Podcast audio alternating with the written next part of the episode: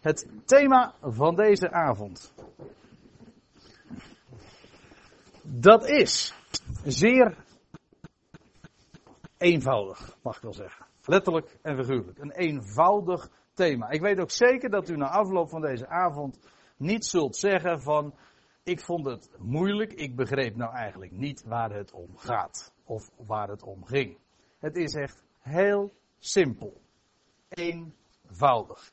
Eén God. Dat is waar het vanavond, de hele avond over gaat. En ik wil u eh, vanavond eigenlijk ook gewoon confronteren met het feit hoezeer dit in de hele Bijbel een basale en fundamentele rol speelt. Deze waarheid is één God. Het komt ook zo vaak voor en ik uh, koester niet de illusie dat ik vanavond al die schriftplaatsen waar dat genoemd wordt, of waar een, enigszins diezelfde gedachte naar, in, naar voren wordt gebracht, dat ik dat allemaal noem. Bij lange na niet. Ik wil een aantal schriftplaatsen uh, onder uw aandacht brengen waarin dat naar voren wordt gebracht en waarin het belang daarvan ook wordt onderstreept. Eén God. Ja. De eerste zin die zal u enigszins uh, moeilijk overkomen. Ik zei al van, het wordt een hele eenvoudige avond, maar laten we dan toch een beetje moeilijk beginnen. Shema Yisrael, ik weet dat er iemand hier in de zaal zit die het eh, met grootste gemak zo voorleest, maar ik had ook een, klein beetje. Shema Yisrael, Adonai Elahenu, Adonai Echad. Dat is een woord, dat is een zin dat een orthodoxe jood, maar niet alleen orthodoxe joden, wat de godsdienstige jood elke dag bij het opstaan en bij het naar bed gaan en in de synagoge elke dag meerdere malen uitspreekt als de basale waarheid. Daaronder vindt u de Hebreeuwse regel, waarbij ik trouwens nog op aan, bij aanteken, dat dat laatste lettertje is, is wat groter. Goedenavond, Adriaan en Jannie. Ah, er zijn nog wel een paar plaatsen, geloof ik. Ja. Anders hiervoor nog wel. Hartelijk welkom ook jullie. Ja.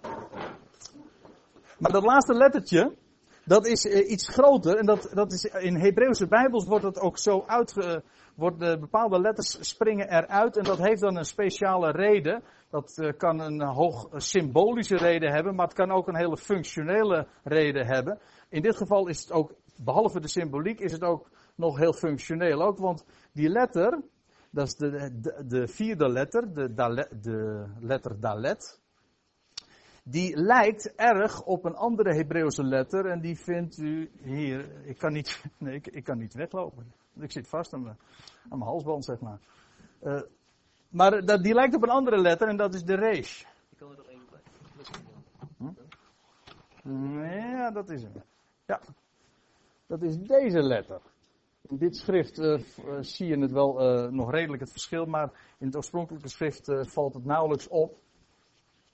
Uh, en, als, en waarom hebben, hebben de, de Joden, de rabbijnen, dat die letter groter gemaakt? Wel, omdat het een fatale vergissing zou zijn wanneer die letter, de dalet, verward zou worden met de resh. Wat heel gemakkelijk zou kunnen, want die letters lijken gewoon erg, erg op elkaar. Als daar namelijk niet een dalet, de, ik bedoel die laatste letter, geen dalet was geweest. Ik zeg laatste letter, maar u, hè, je leest in het Hebreeuws van, van links naar rechts. Hè.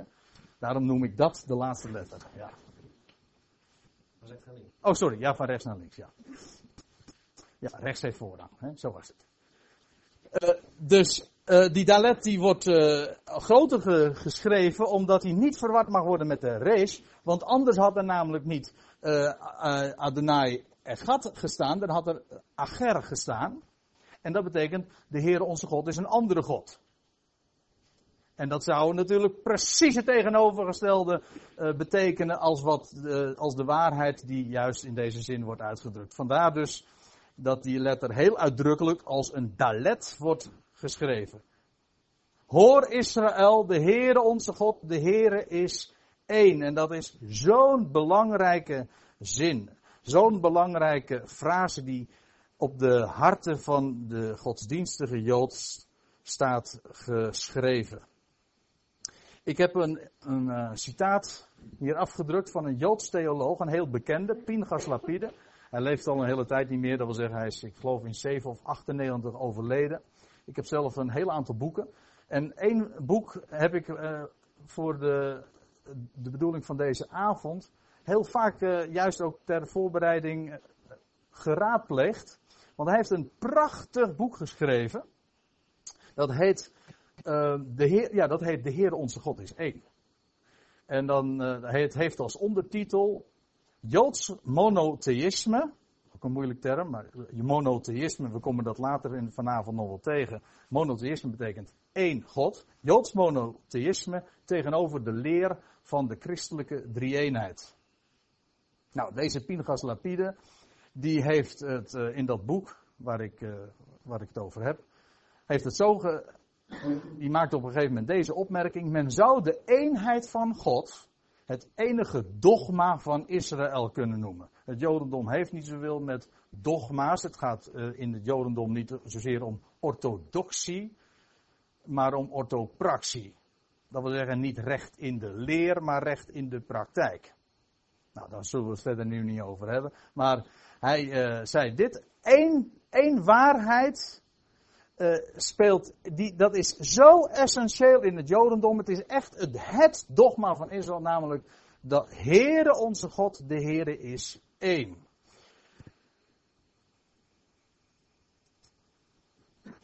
Nog een citaat van deze, van dezezelfde man. Om deze eenigheid van God te bewaren, te bewaren voor verwatering of vermenging met de riten van de omliggende godsdiensten, koos het volk Israël als credo. Hier moet ik een aantekening maken, want niet Israël koos als credo, maar dit was hun door de Heere zelf aangewezen. Maar goed, koos het volk Israël als credo het Bijbelvers, Deuteronomium 6 vers 4, dat tot heden niet alleen onderdeel is van de dagelijkse liturgie in de synagoge, maar ook de eerste stelling die wordt bijgebracht aan de vijfjarige kinderen als begin van hun onderwijs. Dat staat er ook achter bij Deuteronomie dat ze het moeten doen. Precies, maar dat ga ik straks ook laten zien. Nou, ik heb hier een paar van die plaatjes uh, van, uit het Joodse leven zo als dia afgedrukt. Maar die hebben ook allemaal te maken met dat hoor Israël. Deuteronomium 6, vers 4, oftewel het Shema. Hoor Israël, dat die zin, die frase, die wordt genoemd het Shema. En dat Shema, dat speelt in al deze plaatjes een grote rol. Ik kan het u gemakkelijk laten zien. Kijk, die, uh, die man, zowel uh, linksboven als linksonder, die hebben zo'n zogenaamde tefillin, dat is een gebedsriem, zowel om de arm als ook om de linkerarm, als ook op het voorhoofd. Dus tussen de ogen is het eigenlijk de gedachte. Maar in die tefillin, daar zit een kokertje, daar zit een, een, eh, een, een stukje perkament, en daarin staat het Shema, uh, geschreven. Het hoor Israël, de Heere onze God, de Heere is één. En dat heeft, dat, als een Jood bidt, heeft hij dat op zijn voorhoofd tussen zijn ogen. En hij heeft het aan zijn arm. Het is op zijn hand geschreven. U ziet het trouwens ook in dat plaatje, dat, dat jongetje daar bij de klaagmuur. Dat, ik denk dat het daar een plaatje is, uh, dat het daar geschoten is. Maar bovendien, en ik, dat zal ik straks ook nog laten zien aan de hand van Deuteronomium 6. Uh, als je bij een Jood naar binnen gaat in huis, maar ook als je de poorten binnengaat van een Joodse stad, dan is er bij de ingang, of uh, bij de uitgang, net wat u wil, is er een, een mesusa bij de dorpel van de poort of van de deur aangebracht. U ziet dat hier, ja het is wel heel erg klein, maar dit is zo'n mesusa. En daarin zit een kokertje, en daarin staat ook het schema afgedrukt. Of het schema uh, geschreven. Het hoor Israël, de Heere onze God, de Heer is één. Het is dus een waarheid waar je voortdurend in het Jodendom tegenaan loopt. Als je naar de synagoge gaat, dan hoor je het. Als, je, als, als een Jood opstaat, dan hoor, dan, dan hoor je het. Dan, dan, dan spreekt hij die woorden uit. Als je bij hem naar binnen gaat, dan word je herinnerd aan die woorden. Altijd klinken die woorden. De Heere onze God, de Heere is één. En dat is zo'n machtige waarheid. Het is het meest fundamentele. U zegt, ja, dat was voor een Jood zo. Vroeger, in het Oude Testament. Maar nu gaan we naar het Nieuwe Testament. Marcus 12.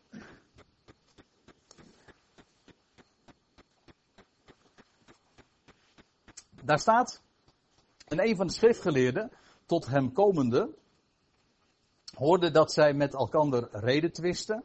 En overtuigd dat hij hun goed geantwoord, geantwoord had, vroeg hij hem: Welk gebod is het eerste van alle? Jezus antwoordde: Het eerste is: Hoor Israël, de Heere onze God, de Heere is één. En gij zult de Heere uw God liefhebben uit geheel uw hart, het geheel uw ziel, het geheel uw verstand, het geheel uw kracht. En de schriftgeleerden zeiden tot hem, inderdaad meester, naar waarheid hebt gij gezegd dat hij één is en dat er geen ander is dan hij.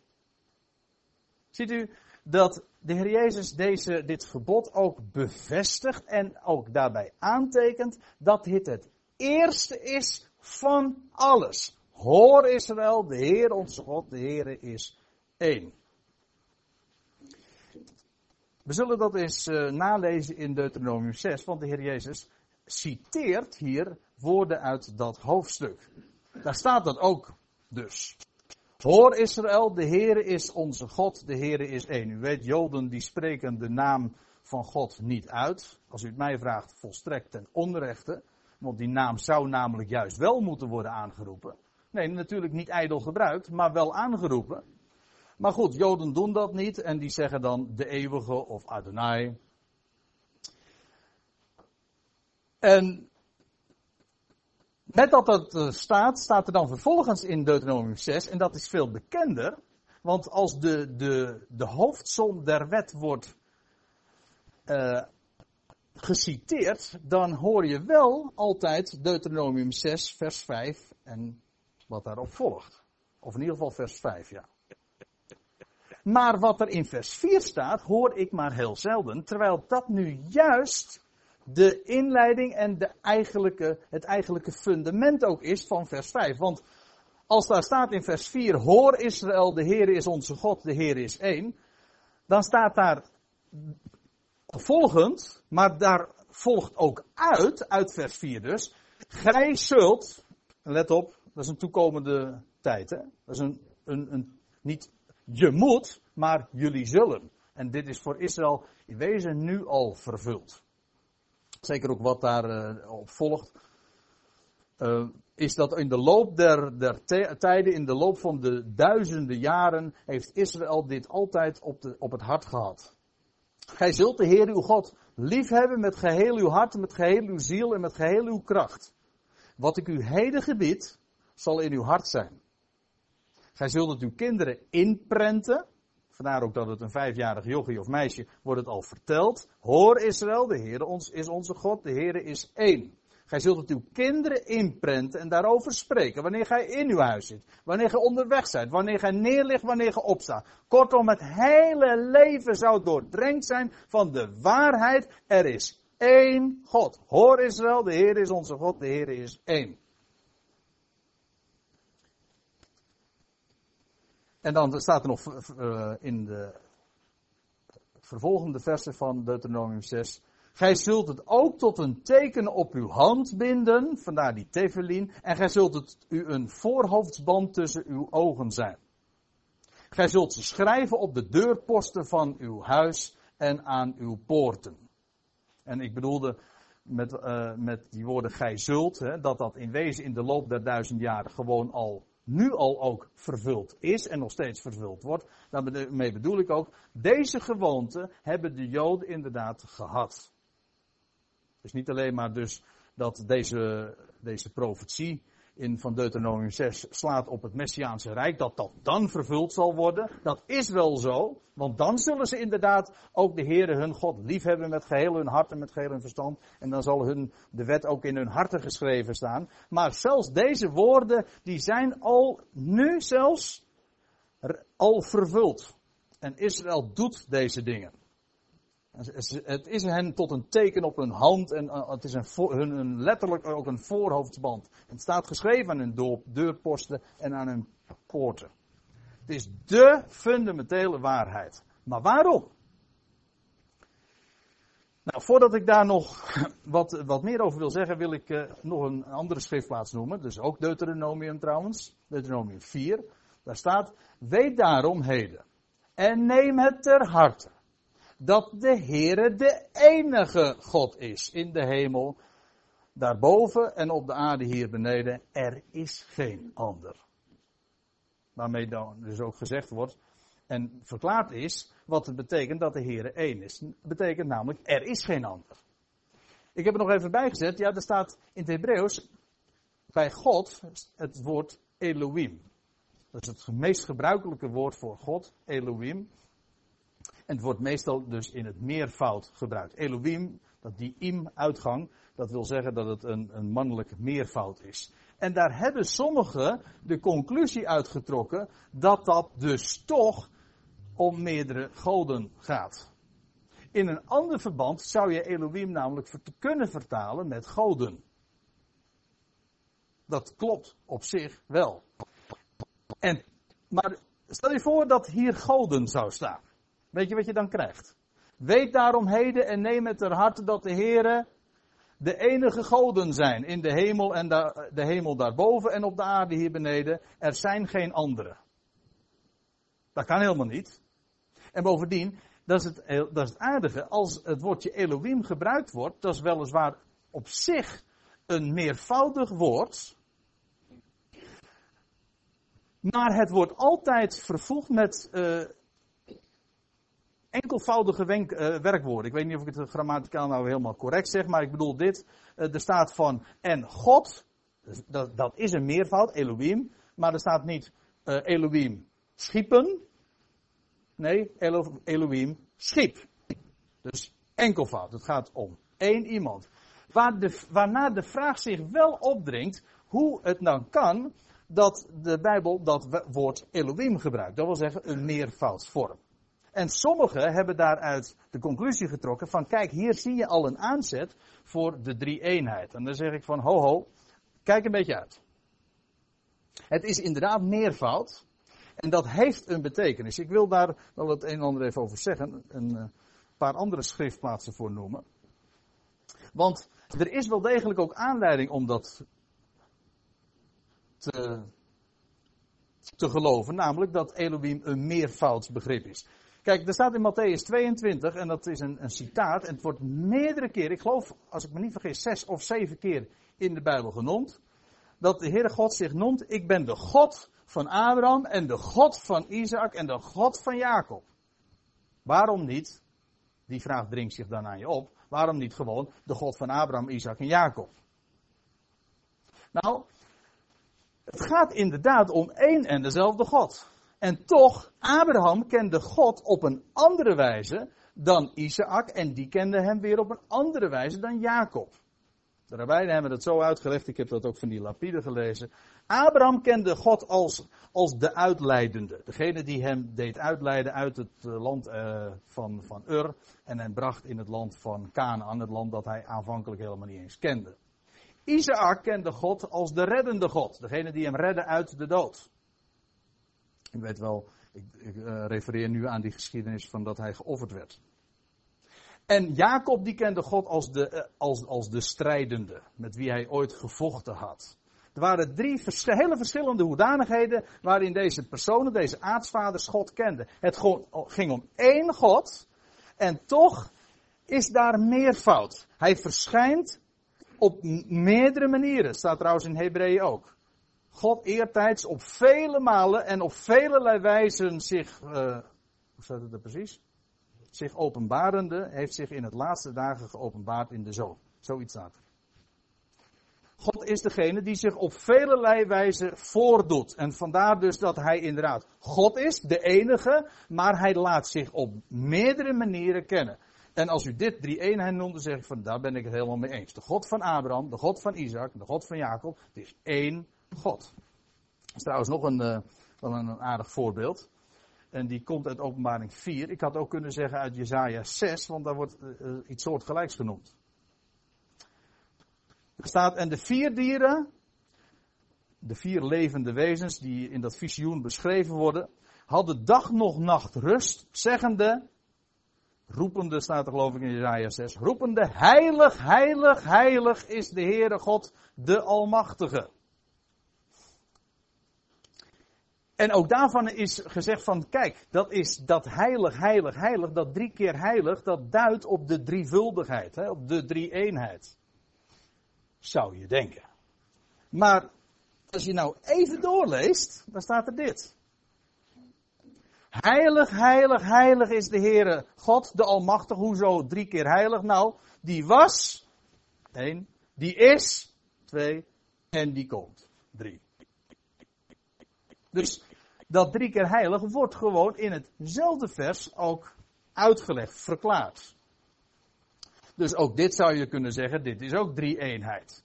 Het is de ene God die was, die is en die komt. Maar u begrijpt wel, dat is een heel andere manier om, daarover, om daar tegenaan te kijken. dan zoals drie eenheid doorgaans en in de christelijke theologie wordt uitgelegd. We gaan verder. Deuteronomium 32, weer Deuteronomium. Zit nu, zegt, uh, hier is God zelf aan het woord, dat ik, dat ik het ben, daar is geen God behalve mij. Ik dood en doe herleven. Ik verbrijzel en ik genees. En niemand is er die redt uit mijn macht. Dat laatste vind ik, uh, vind ik wel een mooie zin hoor. Ik vind de zin, uh, ik vind hem helemaal mooi. Maar er is niemand die, die uh, redt uit mijn macht. En dat is maar goed ook. Want er is geen betere macht waaronder je, waarin je je kunt bevinden als zijn macht. Maar er is geen macht buiten hem, dus valt er ook niet aan die macht te ontkomen. Niets, alles bevindt zich in zijn hand. Er kan niemand daaruit vallen, niemand kan daaruit worden gerukt. Ja, ik dood, zegt, de, zegt de, eh, de Heere God zelf, en ik doe herleven. Let op de volgorde trouwens, hè. Ik dood, en ik doe herleven. Ik verbrijzel en ik genees. En als je nou vraagt van ja, maar waarom doodt hij nou? Wel, het meest eenvoudige antwoord dat ik kan geven is, dat is omdat hij zou doen herleven. En waarom verbrijzelt de Heere God, ook al laat hij het doen, dat maken we dan ook even geen verschil. Hier, hier zegt de Heere God, wel ik doe het. Ik ben degene die het een, het negatieve, maar ook het positieve, beide in handen heeft. Hij is daar de, de regisseur van ik dood en ik doe herleven. Ik verbrijzel en ik genees. En ik uh, moet denken aan die uh, geschiedenis van de blindgeborene, waarbij ook de vraag gesteld wordt van, ja, hoe komt het nou dat die man blind geboren is? En de discipelen gaan daarover in discussie en dan wordt wordt de vraag opgeworpen, heeft hij gezondigd of misschien zijn ouders? En dan zegt de Heer Jezus dit. Hij, als antwoord op de vraag waarom die man blind geboren was. Staat er, hij is blind geboren, hij, hij blind geboren, waarom? Opdat de werken Gods in hem openbaar zouden worden. Daarom was hij blind geboren. En dat is wat je hier ook ziet. Wel, de Heere God zelf stelt zich verantwoordelijk voor, voor alles. Hij zegt, Dood en leven, verbrijzeling en genezing, het is beide aan mij. En er is niemand daarvan uitgezonderd. En ik wil ook nog eventjes een, een, uitstapje maken naar, een, uh, naar Zoroaster. Kent u dat? Ik, uh, ik, geef hier even een stukje weer uit Wikipedia, dat is het internet-encyclopedie. Wordt, wordt met de dag bekender. Als je iets opzoekt in, in Wikipedia, dan, vind je echt alles. Een dynamische encyclopedie, daar kan, kan, het leuke ervan is, daar kan zelfs u en ik een artikel voor bijdragen. Ik heb het nog niet gedaan. Ik ben er ook nog niet in te vinden. maar het Zoroaster, dat, uh, of, oftewel Zarathustra, beide namen worden al gebruikt, Zarathustra of Zoroaster, dat was een Persische profeet. En de grondlegger van de staatsgodsdienst van het oude Persische Rijk. De godsdienst die hij stichtte, dat is een vroege vorm van monotheïsme. Nou, daar ben ik het niet mee eens. Het was A, het was geen monotheïsme en bovendien, het was ook geen vroege vorm. eh, want de suggestie die hierin doorklinkt is alsof monotheïsme een laat, uh, ja, een, uh, een, een geëvolueerd vorm van religiositeit zou zijn. Nou, het is exact omgekeerd. Monotheïsme is gewoon het, de pure bron. Adam en Eva, dat waren monotheïsten. Die wisten er is één God. En polytheïsme is gedevolueerd. Gedevalueerd, moet ik zeggen. Uh, monotheïsme. Dus meer godendom, dat komt altijd voort uit het monotheïsme. Goed. Het is eigenlijk dualisme. Nou, dat zijn moeilijke woorden. Ik zei dat ik het vanavond eenvoudig zou houden. Maar kijk, de gedachte is dit. Zarathustra of Zoroaster, die uh, zei, uh, er bestaat een God van het goede. Ahura Mazda.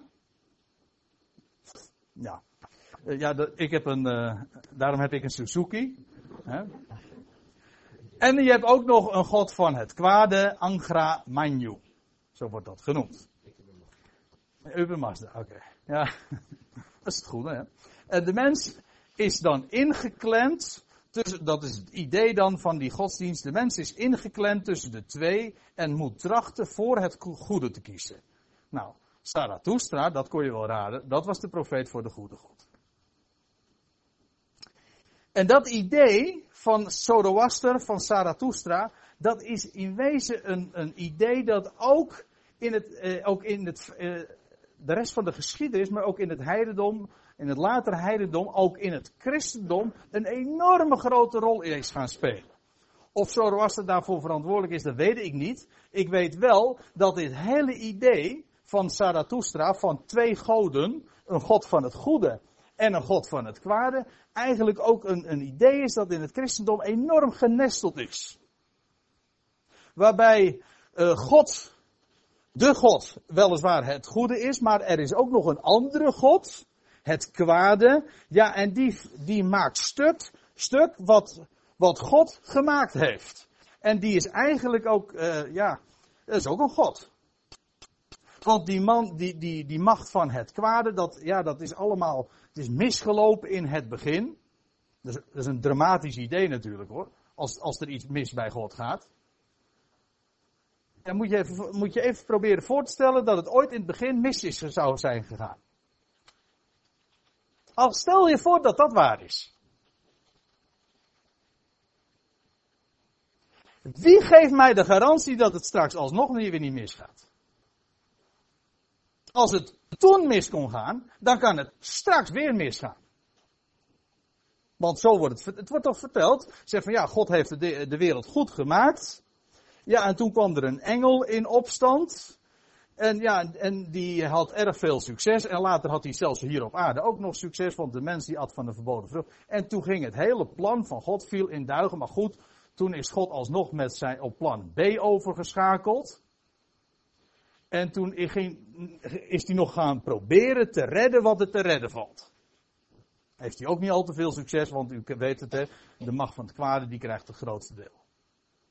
Dat is een heel zielig uh, Zarathustriaans idee van God. Weet u dat? Maar dat idee hebben velen over God. Die denken echt dat het mis is gegaan en dat er een God van het goede bestaat en een God van het kwade. En die twee strijden tegen elkaar. En weet u wat de Bijbel zegt? Nou ja, ik gaf het net al eventjes aan. Het is de God die zegt, ik ben het, behalve mij is er geen, ik dood, ik doe het leven, ik verbrijzel en ik genees. En dan lees ik nog even verder. Er is een schriftplaats waar dat wel heel duidelijk staat. Jezaja 45. Jezaja leefde iets, uh, enige tijd, niet al te veel trouwens, nog, nog geen eeuw, voor Zarathustra. Zarathustra die leefde in de tijd van uh, Jeremia en Ezekiel. En Daniel. Maar bij monden van Jezaja zegt de Heere God, ik ben de Heere. En niemand meer. Buiten mij is er geen God. Ik zal u gorden, hoewel gij mij niet kent. Ik lees trouwens nu voor uit de Statenvertaling, want die is hier veel correcter dan de MBG. Opdat men weten van de opgang der zon en van de ondergang, dat er buiten mij niets is. Ik ben de Heer en niemand meer. Ik formeer het licht en schep de duisternis. Ik maak de vrede en schep het kwaad. Ik, de Heere, doe al deze dingen. Ziet u hoe dit lijnrecht tegenover het hele idee van Zarathustra staat? Van een God van het goede en een God van het kwade. Hier zegt God zelf.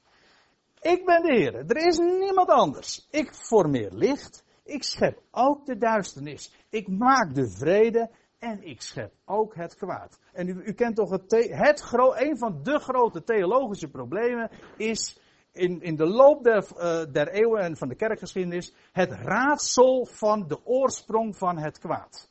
Waar komt dat vandaan? Want hoe dan ook, want ook al zeg je van ja, het komt bij Satan vandaan, dan doet zich nog een, dat is uiteindelijk gewoon het probleem iedere keer opschuiven, want, want dan zeg je van ja, waar komt Satan dan vandaan? Ja, ja nou, dan je moet niet zulke moeilijke vragen stellen. Dat is meestal waar het in eindigt. Of als u er een hele vrome slinger aan wil geven, dan zeggen we gewoon van, ja, Gods wegen zijn niet onze wegen en zijn gedachten zijn hoger dan die van ons. En dan heb je natuurlijk ook mooi sluitend gekregen. Dan zeg je eigenlijk gewoon van, we moeten daar niet over nadenken. In plaats van dat we gewoon geloven wat hier staat. De Heere God zegt, ik heb het goede en het kwade beide in mijn hand. En het kwade, God is een goede God. Zo laat hij zich kennen. Volledig goed. De algoede God. God wil ook geen kwaad. Begrijp mij goed. God wil het kwaad niet. Maar hij wil wel dat we het goede zouden kennen. En om het goede te kennen, is het kwaad noodzakelijk. Elk kwaad in de Bijbel is inderdaad noodzakelijk kwaad. God wil dat niet, maar het is nodig opdat het goede gekend zou worden. En het is zelfs zo. Ik ben er ook erg blij mee, want het betekent namelijk ook, er zou geen kwaad zijn als het niet noodzakelijk was. Dat is een doordenkertje. Er zou geen kwaad, als het kwaad niet noodzakelijk was geweest, dan had het er domweg niet geweest. Want God is een goede God, die echt wel in staat is om dat tegen te houden. Wat dacht u? Het feit dat het er wel is, betekent domweg dat het noodzakelijk is en het is nodig om het goede te leren kennen. Dat is zo'n uh, ja, elementaire waarheid. Het kwaad heeft in de Bijbel altijd een, zoals ze dat noemen, een contrastfunctie of een decorfunctie. Zoals deze zwarte letters, uh, die kun je alleen maar zien omdat er een witte achtergrond, om, omdat het een witte achtergrond heeft. Hoe sterker het contrast, hoe beter die letters zichtbaar worden. Als de, de achtergrond hier zwart was geweest, dan had, had je die letters domweg niet gezien. En zo is het met het goede ook. Wel, welk goed je ook noemt, of je het nou hebt over eh, het goed van, van barmhartigheid, dat laat zich alleen maar kennen tegen de achtergrond van ellendige omstandigheden. Of het goed van vergeving, dat laat zich alleen maar, dat wordt alleen maar gekend tegen de achtergrond van zonde en van misdaden. Het goed van genezing, dat laat zich alleen maar, dat, dat laat zich alleen maar kennen tegen de achtergrond van ziekte. Het goed van Gods uh, mededogen, dat laat zich ook alleen maar kennen tegen de achtergrond van zijn, uh, tegen de achtergrond ja, van deerniswekkende omstandigheden. Dan laat hij zich als de mededogende God kennen. Wat dacht u van genade? Genade laat zich ook alleen maar. Ik, dat, ze zeggen genade dat is onverdiende gunst. Daar waar alle rechten verbeurd zijn, daar wordt genade zichtbaar. Waar een mens gewoon zich recht zou kunnen laten gelden, ja, daar, is, daar kan genade zich niet bewijzen. Kijk, met het verstand is dit in wezen een hele simpele waarheid. Het goede is slechts te kennen tegen de achtergrond van het kwade. God wil het kwade op zich niet, maar het is noodzakelijk om het goede te leren kennen. En de eerste keer dat het, dat begrip goed en kwaad genoemd wordt, dat is meteen ook al de sleutel tot het verstaan. Ze zeggen wel eens een keertje, de sleutel, de sleutel, Engelsen hebben dat spreekwoord, de sleutel hangt bij de deur. Nou, dat is in de, met het thema van de kennis van goed en kwaad ook zo in de Bijbel. De sleutel hangt bij de deur. De eerste keer dat de term genoemd wordt, goed en kwaad, dat, is, dat geeft tevens de, de sleutel, dat reikt ons de sleutel aan om het hele begrip te verstaan. daar is die in die hof, de boom van kennis van goed en kwaad. Let op, het was de boom van kennis van goed en kwaad. Het was niet alleen maar de, het wordt meestal zo voorgesteld van ja, doordat Adam en Eva van die uh, verboden vrucht aten, toen kregen ze kennis van het kwade. Dat is zo, natuurlijk. Ze kregen meteen kennis van, van het kwade. Maar ze kregen ook kennis, zelfs in de eerste plaats, van het goede. Het was de boom van uh, kennis van goed en kwaad. Het ene is niet los verkrijgbaar. Het, kennis van goed is niet los verkrijgbaar. Het is slechts te kennen in relatie tot het kwade. En op het moment dat de, het eerste mensenpaar aat, uh, at van, van de boom, van de verboden vrucht, toen pas leerden ze goed en kwaad kennen. Daarvoor hadden ze het wel goed, maar ze kenden het goed niet. Dat is in alles in overeenstemming met zijn plan en het was helemaal niet dus een misser. God wist wat maaksel wij zijn. En dat weet hij trouwens nog steeds. Hij, hij wist wat hij had geformeerd. Dat wist hij. En de mens overtrad het gebod, dat is waar. Het was tegen Gods wil in. We hebben het daar wel vaker over gehad. Over dat onderscheid. God, de mens overtrad Gods wil of ging in tegen Gods wil. Maar hij vervulde Gods raad. Dat wil zeggen, ehm, om, de, om het te zeggen in de woorden van Romeinen 9, een mens kan ingaan tegen Gods wil, maar niets, niemand wederstaat zijn bedoeling. Staat er in Romeinen 9. Niemand wederstaat zijn raad. Zijn verborgen raad. De, de, eh, ze wordt, het wordt wel eens de verborgen agenda van God genoemd.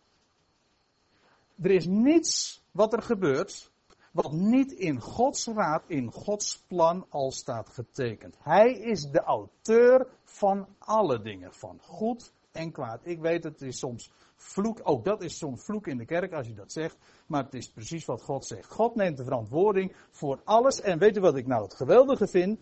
Hij is degene, uh, het, het geweldige vind van deze waarheid is dat het kwaad dus in goede handen is. Het kwaad is in goede handen.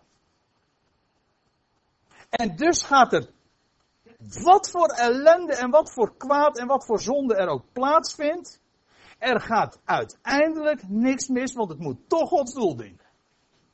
En daarom ben ik zo blij dat niet Zoroaster gelijk heeft dat er een God van het goede en God van het kwade is en die tegen elkaar strijden. Er is één God.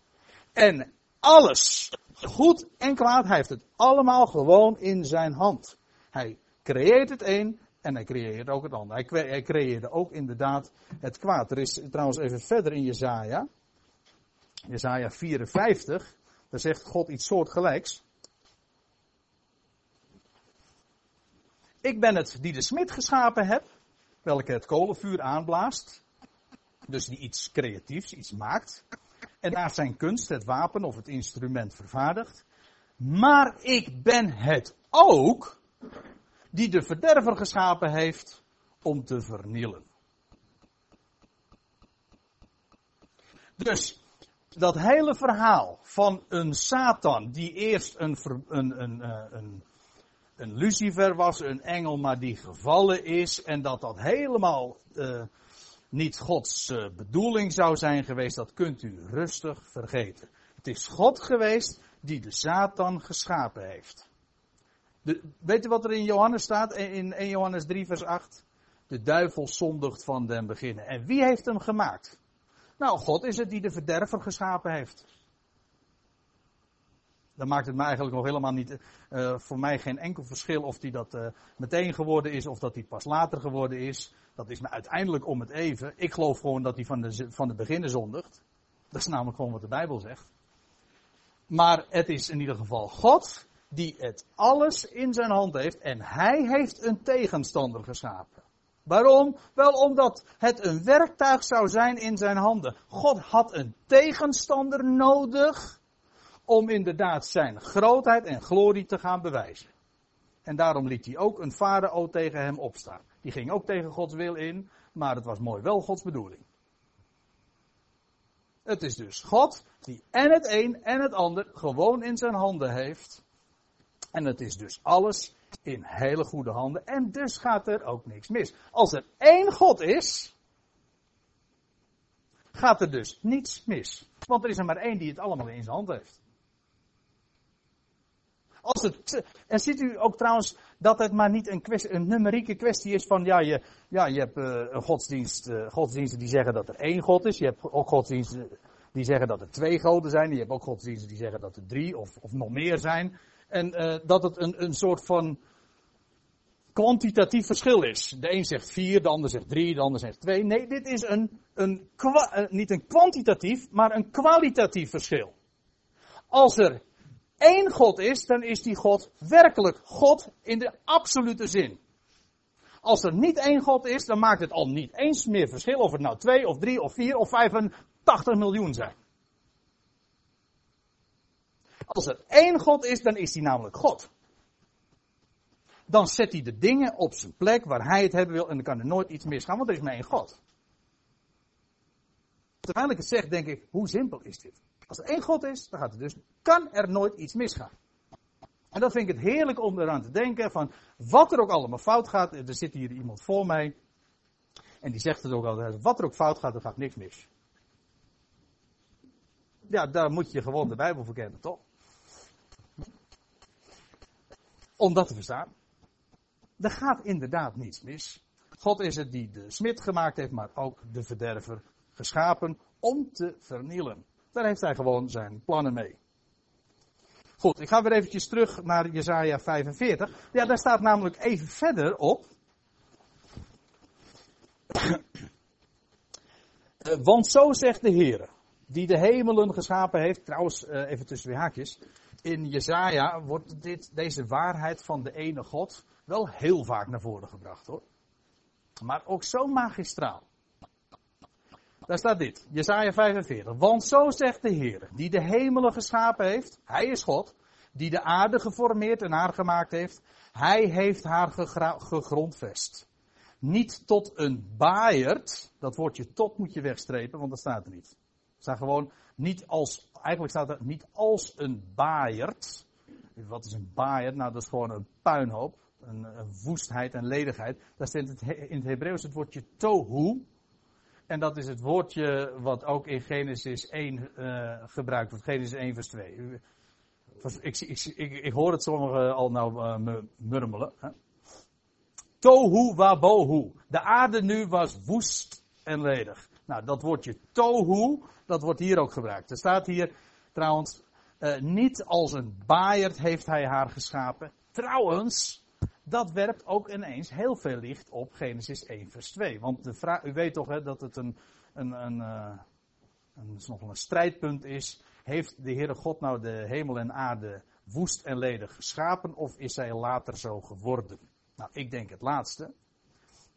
Om meer dan één reden, maar één van die redenen vind ik hier in Jesaja 45. Daar staat namelijk, niet als een baaierd heeft hij haar geschapen. Niet Tohu heeft hij haar geschapen. Ze is zo geworden.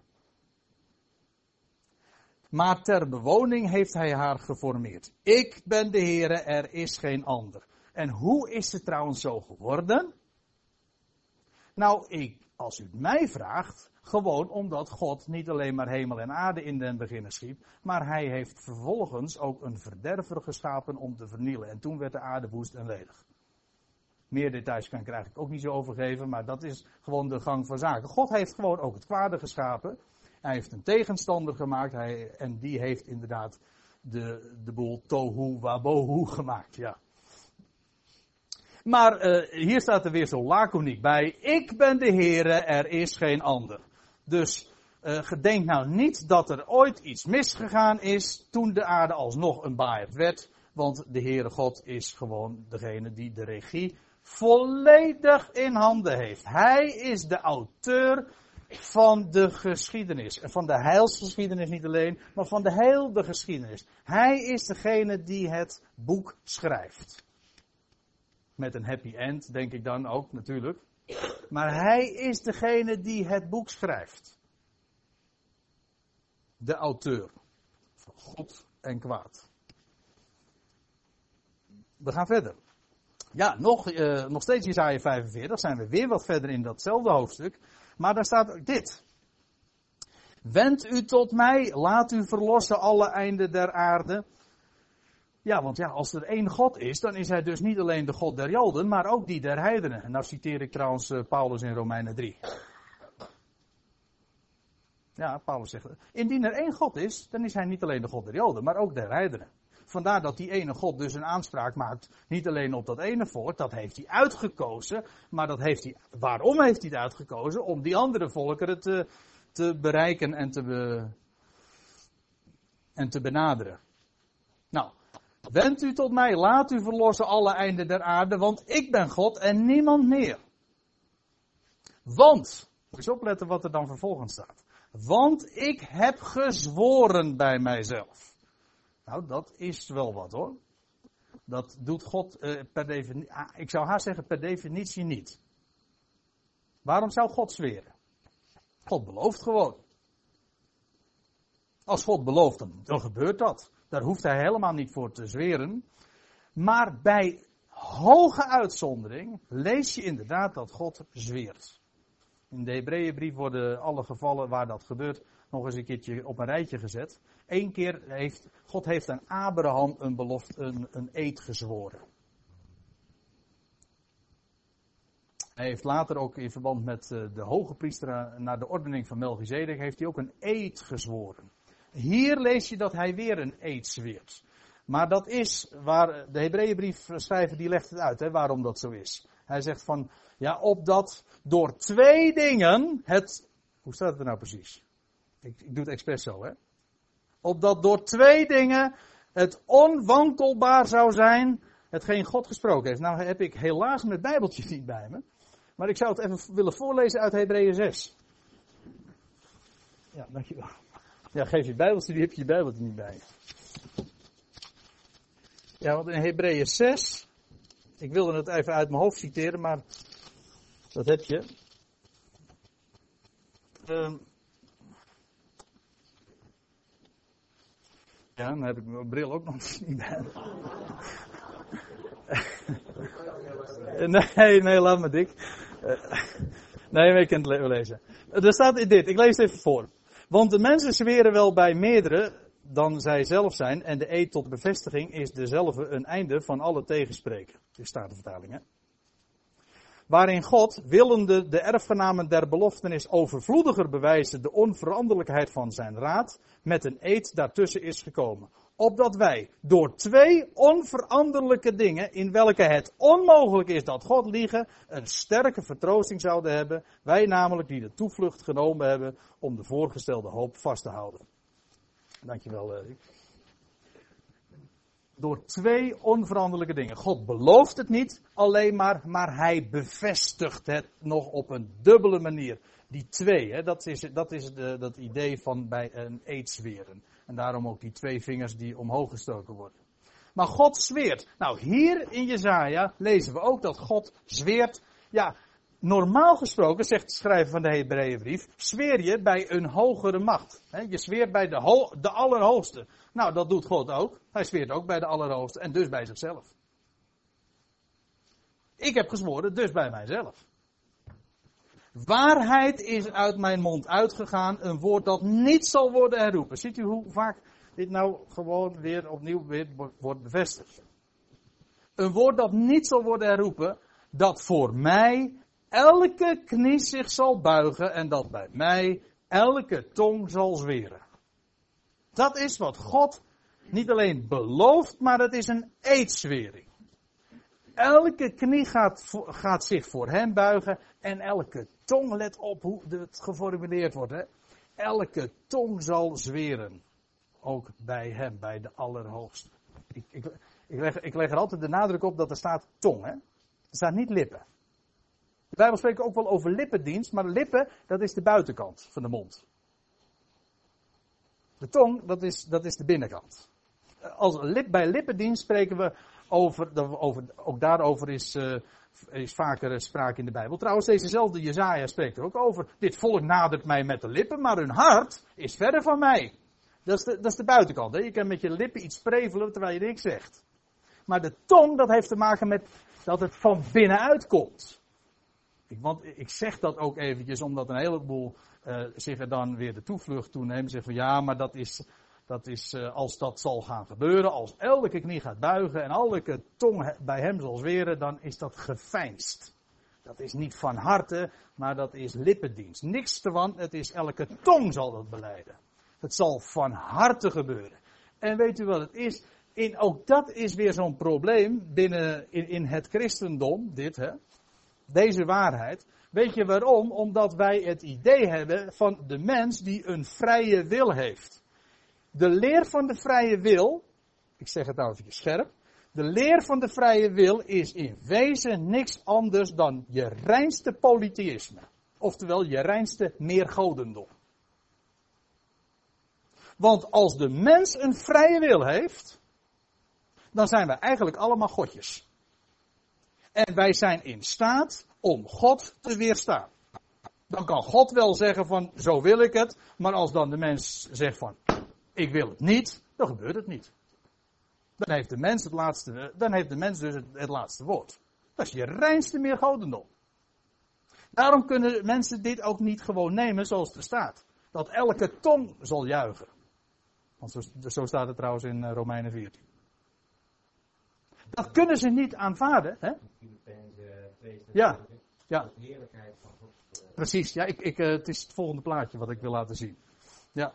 Maar men kan het niet aanvaarden omdat ze geloven dat de mens een vrije wil heeft. Dat is ook zo heilig, hè? want daar mag je niet aan zitten. Maar het betekent gewoon dat ze vasthouden aan, het, aan, aan een polytheïstische leer, aan een meer, meer godendom. De mens is eigenlijk een god en, de, en de, mens kan God weerstaan en de mens kan zeggen van, nee ik wil het niet.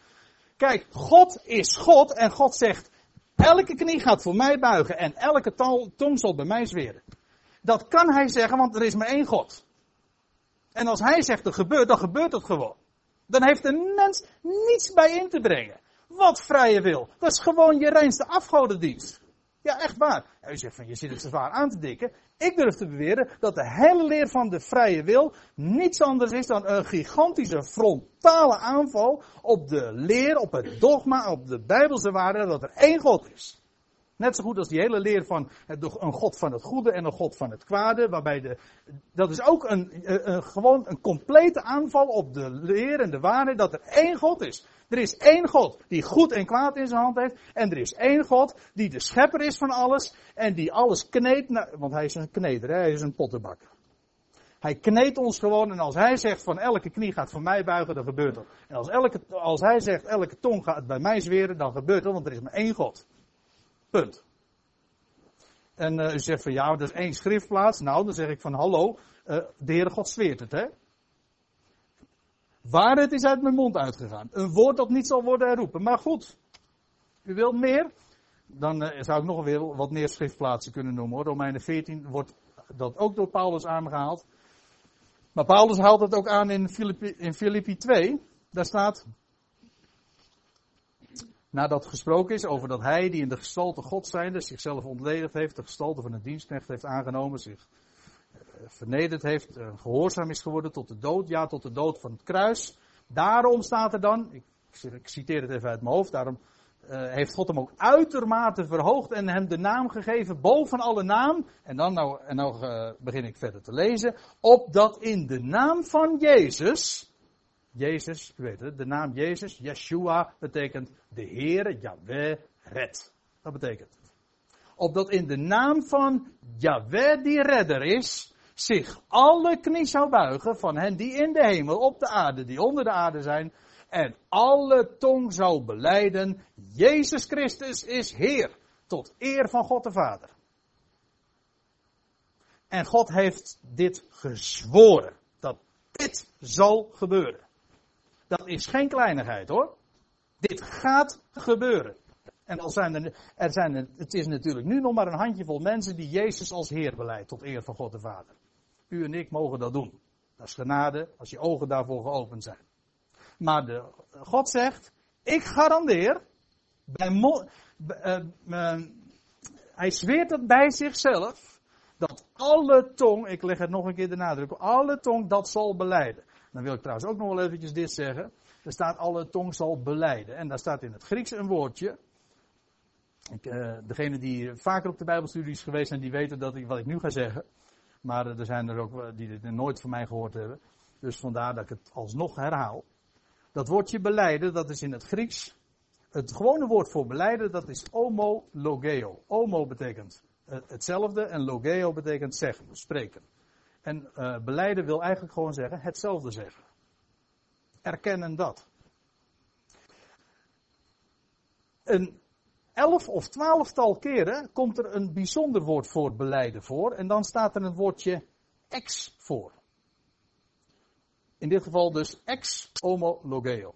En dat woordje ex, dat kennen we allemaal, dat betekent uit. Van binnenuit namelijk. Hè? Expressie, dat betekent dat er druk van binnenuit is. Ja. Hier staat, het, het is ex. Eh, het is, het is maar niet alleen beleiden, maar het is een beleiden van binnenuit. Vandaar ook dus die tong en niet de lippen. Het is een, dus een hartelijke beleidenis. En dan staat er inderdaad ook nog bij, en Adriaan Smit die wees er zojuist al even op. Het zal zijn, het is een beleidenis van harte tot eer van God. Ze, ze, doen dit niet uit dwang, nee, ze doen dit tot eer van God zal alle tong dat beleiden. Ja, tot eer van God, de Vader namelijk. We komen daar straks uh, na de pauze nog op terug. Dus dit is wat God zich zweert. Er is één God en omdat er één God is, zal dit gaan gebeuren. Ik stel voor dat we eerst gaan pauzeren maar.